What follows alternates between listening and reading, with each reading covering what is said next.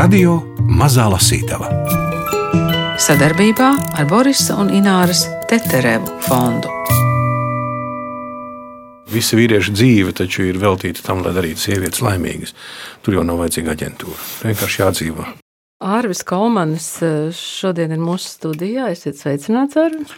Labdien! Labdien!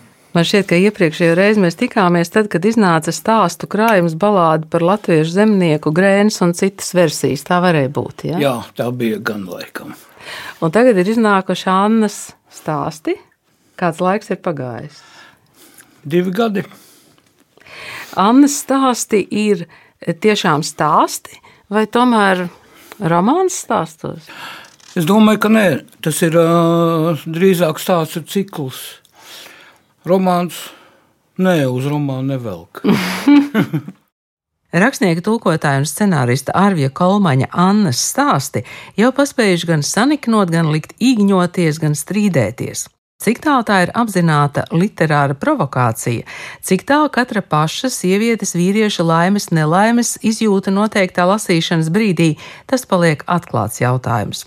Kamēr Gunārs Aboliņš un Ārvis Kolmanis runā par laimes aģentūru un laimes indeksa mērītāju, es Ingvilda Strautmana sajūtos mazliet lieka, bet varbūt tomēr nē. Varbūt tas viss sievietei par godu - liela jautājuma zīme.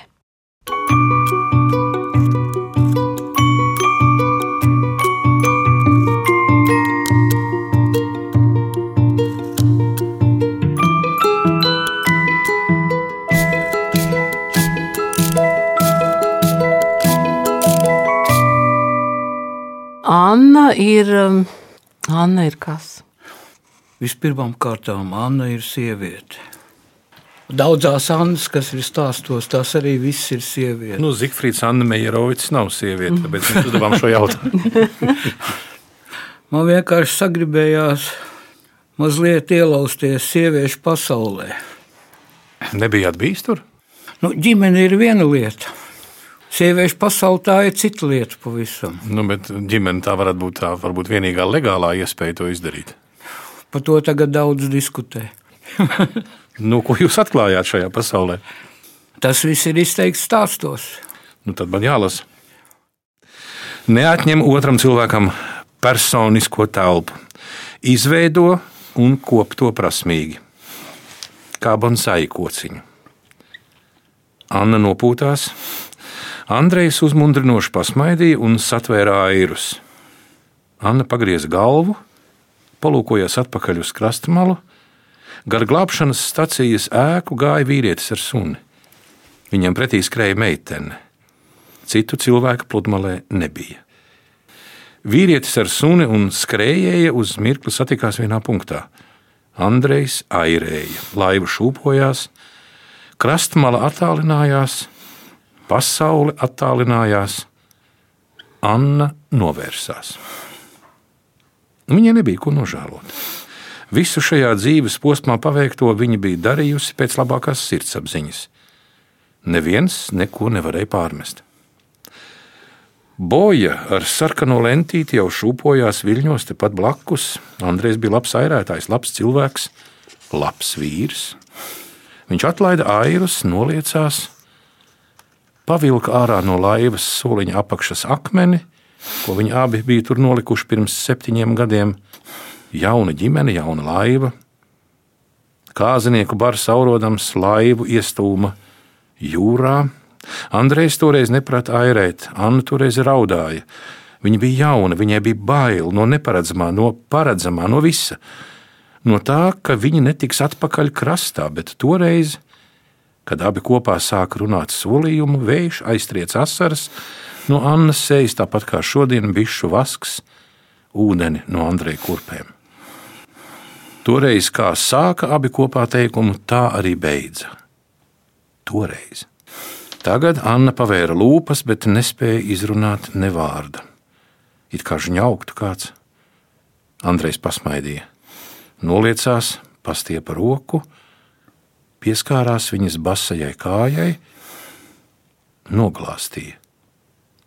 Un, ja kāds apgrēcina otru, kas uz viņu tic, tam būtu labāk, ja kaklā piekārtu dzirnu akmeni un iemestu viņu jūrā. Andreja balss skanēja dīvaini, kā sveša cilvēka balss, vai arī viņas balss tā skanēs. Bet viņa joprojām nespēja izdvest neskaņas, pat pakustēties nespēja. Vienīgi atlika nolūkoties, kā Andrejs savalk virvi dubultmazglā, ap kāju virspotītes. Otrā virves galā jau septiņus gadus akmens bija ievērts cilpā. Šā akmens caurumā neviens grauds nebija iebērts. Kaut kas nebija pareizi. Tā nedrīkstēja. Bija teikts, ja kaklā piekārtu. Bet Andrejs to par spīti viņai Varbūt viņa bijusi akla visu šo laiku, varbūt viņai pašai nevajadzēja. Nē, citādi nevarēja. Likums ir šķīstāks par dabu. Un viņi vēlējās to pateikt Andrejam tik ļoti, tik dziļi no sirds, ka gribēja dzīvot no jauna un spēja piespiest pamirušās lūpas izteikt pavisam ko citu, ne to, ko bija vēlējusies. Nedari to, lūdzu. To izteikusi viņa atskārta, ka nekad neko nebija vīram lūgusi. Viņa laikam bija pārāk klusi nočukstējusi. Jā, arī vējš citādi Andrejs noteikti būtu sadzirdējis, citādi nebūtu pieliecies viņai tuvu, jo tuvu un noskūpstījis. Citādi ne vārda nebildes viņš nebūtu piespiedis akmeni pie krūtīm un ar skumju smaidu iekāpis jūrā. Bet visticamāk būtu gan. Anna pārliecās par laivas malu un kādu brīdi lūkojās putās sakultajā netīrajā ūdenī. Kad viņa aizīrās atpakaļ līdz krastam, rokas vairs nejūta. Izkāpa no laivas, bet nespēja to ievilkt tālāk smiltīs. Un nevajadzēja arī. Šī laiva vairs nepiederēja viņai. Paklupa uz ceļiem ūdenī, piecēlās, slapjā kleita pretīgi lipa pie miesas, Anna aizgāja līdz jūrim, kas stāvēja otrpus dūņām, ar viņas kurpītēm rokās. Izrāva tās viņam no rokām, uzvilka netīrumus no kājām, nenotraususi, pieplaka pie jūra krūtīm un sāka histēriski raudāt. Jūris piespieda viņus pārāk cieši klāt, un tas arī bija viss. Viņš nekad nebija pratis mierināt. Arī tas sākums ir mazliet krimināls. Nē, es domāju, nekā tur nav krimināla. Tas viss no dzīves īstenības nāk. Nu, viņa vīru nenoslīcina. Ne? Viņa noslīcina vīru. Bet tas nekas. Tas nekas. nekas. Nu, labi. Arvis Kolmanis Annas stāsti lasa un ar autoru sarunājas Gunārs Aboliņš. Viņa nezina, kāpēc tieši šonakt negribēja palikt viena. Tieši šonakt. Mājā vēl nekurināja, bet ārā no rītiem zāle jau klāja salnas. Sildītāju Anna negribēja likt naudas, jau tā nebija, kur nu vēl papildus par elektrību maksāt. Viņa naktīs tinās desmit sagās, sāla tik un tā. Neviena saga nesildīja tik labi kā silts vīrietis, kuram piespiesties. Iet uz bāru un meklēt kādu svešu un negribējās. Viņa nebija tāda. Iepazīšanās bāros Anna nevilināja. Viņa vispār negribēja līst ārā no mājas. Viņa bija mājās sēdētāja. Izņēmums bija darba biedru ballītes. Tur viņa iepazinās ar vīriešiem, ne jau kolēģiem, nē, ar kolēģu draugiem un paziņām. Kristaps. Anna domāja, Kristaps bija filozofs. Katrs seks ar viņu neglābjami beidzās ar filozofiskām pārdomām, kuras Kristaps attīstīja vienpersoniski. Anna gulēja viņam blakus un bija spiesta klausīties par sievietēm un feminismu, nenoliedzamo diskursu par abortu problēmu, par to, ka dieva nav, bet to nevar pierādīt, par kaut kādām ontoloģiskām, ontoloģiskām. par kaut kādām ontoloģiskām problēmām. Anna nezināja, kas ir ontoloģija. Bet tas netraucēja viņai sildīties pie Kristapsāniem. Un jā, Kristaps labprāt palika pie Annas pa naktīm, Viņam nebija neviena pie kā doties atpakaļ mājup. Kristaps necēla klausuli. Anna nosvieda telefonu uz grīdas, iegāja dušā, ilgi stāvēja zem karsta ūdens strūklas, iegāja guļamistabā un apģērbās. Uztaisīja vēl vienu aveņu tējas krūzi. Sakņu pusi sēdēja virtuvē. Pie durvīm piezvanīja. Tas ir Niklaus, Anna nodomāja. Pārdomājis, nāk atvainoties. Viņa piegāja pie durvīm, nepaskatoties atstiņā, atrāva durvis vaļā. Tas nebija Niklaus. Kāpņu laukumā stāvēja svešs vīrietis. Anna pirmajā mirklī gribēja aizcirst durvis, bet vīrietis tik apburoši pasmaidīja, ka Anna pamira. Labvakar, svešais sacīja. Viņa balss bija zema, bet neraupja, tieši tāda, kā Annai patika. Līdzīga balss bija Olafam, bet viņš daudz dzēra. Anna neatbildēja, brīnīdamās pati par sevi, kāpēc stāv durvīs un mēmi lūkojas svešajā. Vīrietis bija pēc izskata mazliet vecāks par Annu, stalts, paskarbiem sejas vaipstiem, platu zodu, tumšiem matiem un divu dienu bārdas rugājiem. Kā no reklāmas. Vīrietis atkal pasmaidīja. Es pie jums. Pie manis? Jā, pie jums, Anna. Kā jūs zināt, kā mani sauc? Anna vaicāja, apsvēra kā lai tagad aizver durvis svešā vīrieša deguna priekšā. Es zinu arī, ka jūs gaidāt, sacīja svešais, un tajā brīdī Anna sajūta, ka no svešā plūst siltums, kā no radiatora. Ko jums vajag? Anna noprasīja. Nebija izbijusies, viņa nebijās no svešiem vīriešiem. Vīrietis smaidīja. Jums vēl nekurina? Kāda jums daļa? Jums ir vēss dzīvoklis. Kas jums par daļu? Jūs gribat vīrieti, pie kā guļot, piespiesties un sasildīties. Anna apmulsa. Citurreiz Anna būtu svešajam iegāzusi pļauku, taču siltums, kas plūda no svešā, Annu stingzināja, neļaujot pakustēt ne rokām, ne kājām. Nekad agrāk Anna nebūtu varējusi iedomāties, ka siltums var sastingzināt, bet tas bija patīkami. Tā bija dievišķa sajūta. Mani sauc Zigfrīds. Vīrietis sacīja, ielaidīsiet. Zigfrīds lūkojās tieši Annai acīs. Anna pavirzījās nostāk, lai Zigfrīds varētu ienākt dzīvoklī. Zigfrīds ienāca pagāja Annai garām. Siltuma vilnis apņēma Annu kā vilnas sēga. Nē, ar sēgu nevarēja salīdzināt. Zigfrīda siltums bija daudz kas vairāk nekā parastais siltums.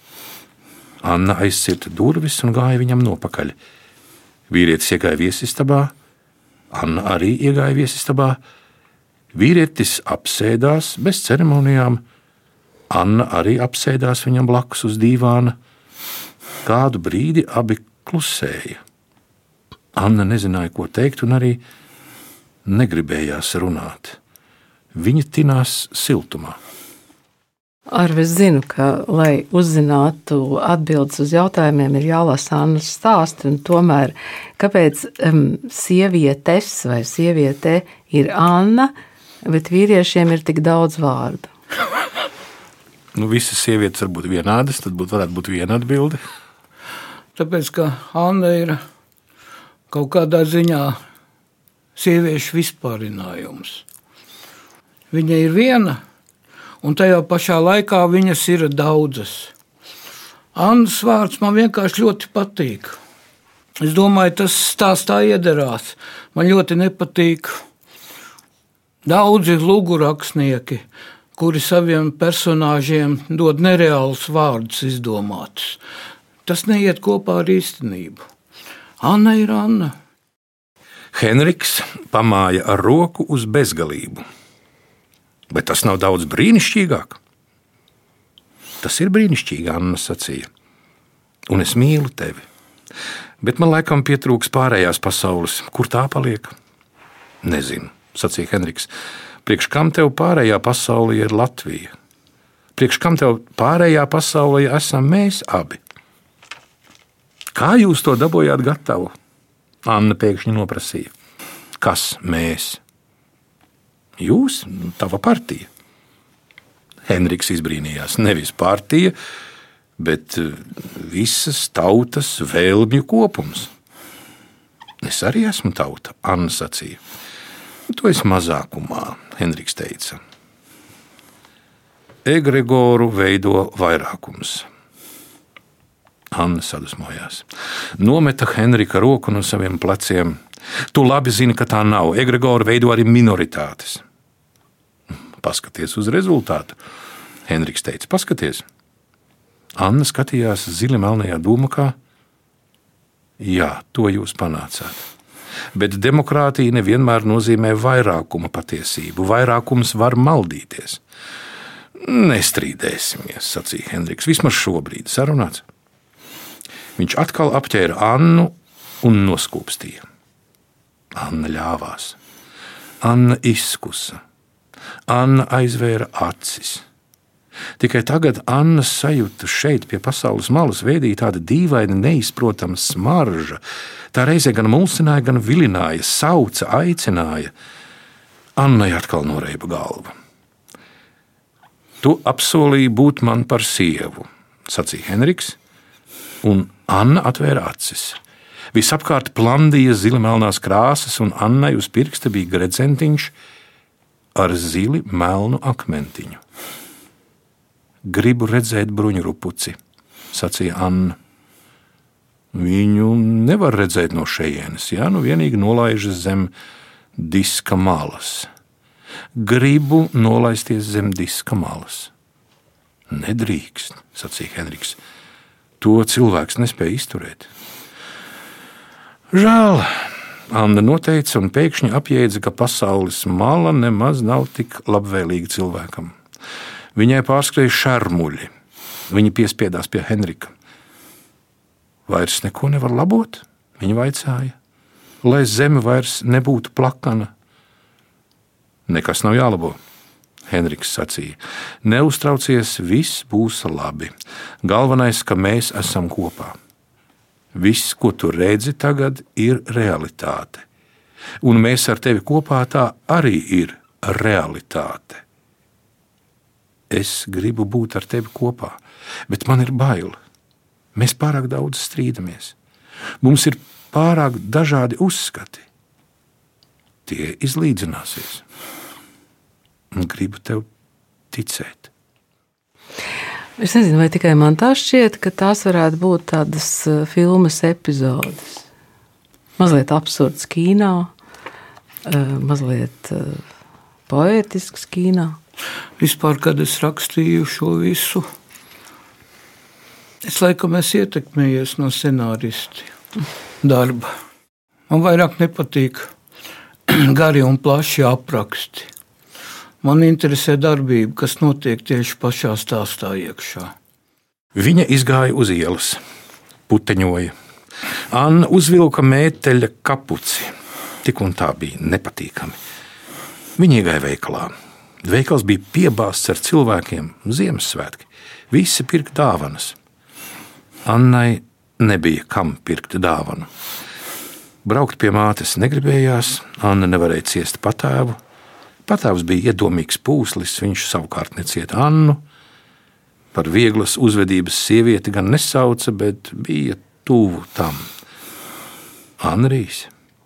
Ko darīt ar Anriju? Viņi bija pašķīrušies pirms pāris mēnešiem, kopš Andrijs uzzināja par Annas darbu aģentūrā. Anna pārdzīvoja, ka Andrijam pieķērusies un apvainojās ļoti, taču nebija mīlējusi, to tagad saprata vienkārša pieķeršanās. Nezinu, vai viņš sevi uzskata par nelaimīgu. Viss. Andrijs ir norakstīts. Par Andriju vairs nedomas. Anna nopirka vīna pudeli, spārģeļus un sojas mērci. Annai nepatika ēst restorānos, patika gatavot mājās. Viņa ienāca gaitenī, noģērbās, nolika virtuvē pirkumus, un tad iezvanījās telefons. Andrijs. Anna ilgi domāja, atbildēt vai ne. Kamēr domāja, tikmēr telefons pārstāja zvanīt. Izvilka no somiņas melno kārbiņu, ko bija iedavusi Marta, nolika uz galda, apsēdās, ilgi lūkojās uz kārbiņu. Tai bija skala ar piecām iedaļām un maza podziņa. Anna paņēma kārbiņu rokā, pagrieza pret sevi, nospieda podziņu.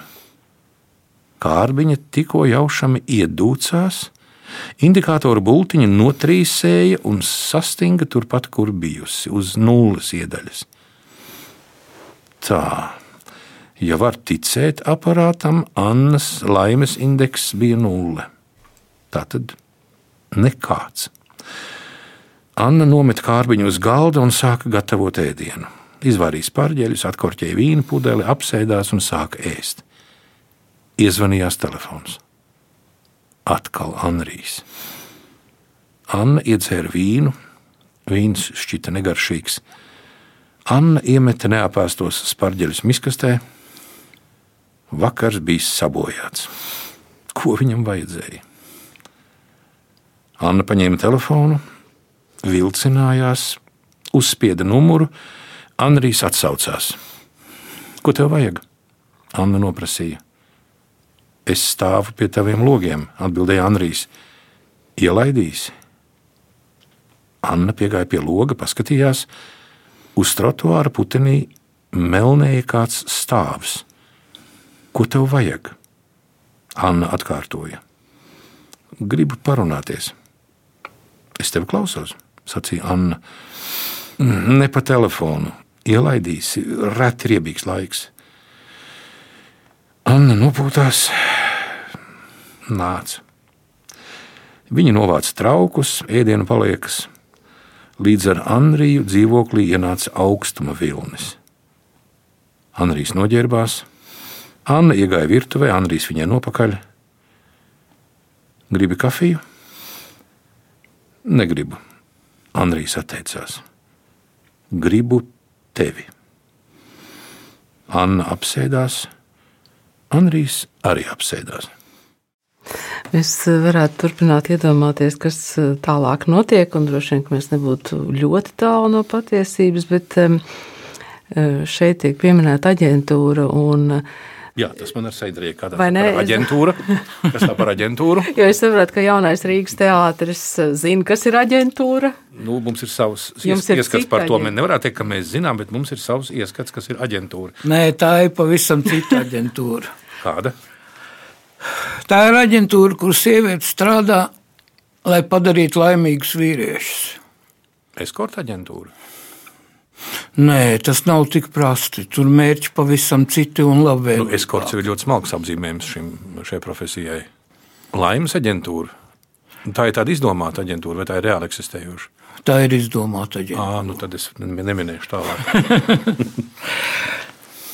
Un eh, tas laimes indeksa rādītājs, tas ir eh, nu, tāds kā darba rezultāta mm, nu, fiksējums. Jā, tieši tā. Bet tas aparāts arī ir izdomāts. Cik es zinu, Latvijā tāda aparāta vēl nav pagaidām. No kurienes jums iešāvās galvā tāda doma? Maza melna kastīte ar piecām iedaļām. Un kas izmēra laimes indeksu? Tā kā agrāk skolā no 1 līdz 5 atzīmes. Jā, tieši tā. Bet tas ir aģentūras darbam nepieciešams. Viņi tirgo šos aparātus. Viņi netirgo, viņi izmanto. Arvi, vai varētu būt arī aģentūra, kur vīrieši strādā, lai darītu sievietes laimīgas? Es domāju, ka jā. Nu, tā ir Kāpēc, dzīve. Ne? Anna stāsti autors Arvis Kolmanis, izdevuši Latvijas mediji. Visa vīrieša dzīve taču ir veltīta tam, lai darītu sievietes laimīgas. Tur jau nav vajadzīga aģentūra. Vienkārši jādzīvo. Vienkārši jādzīvo un jālasa Annas stāsts.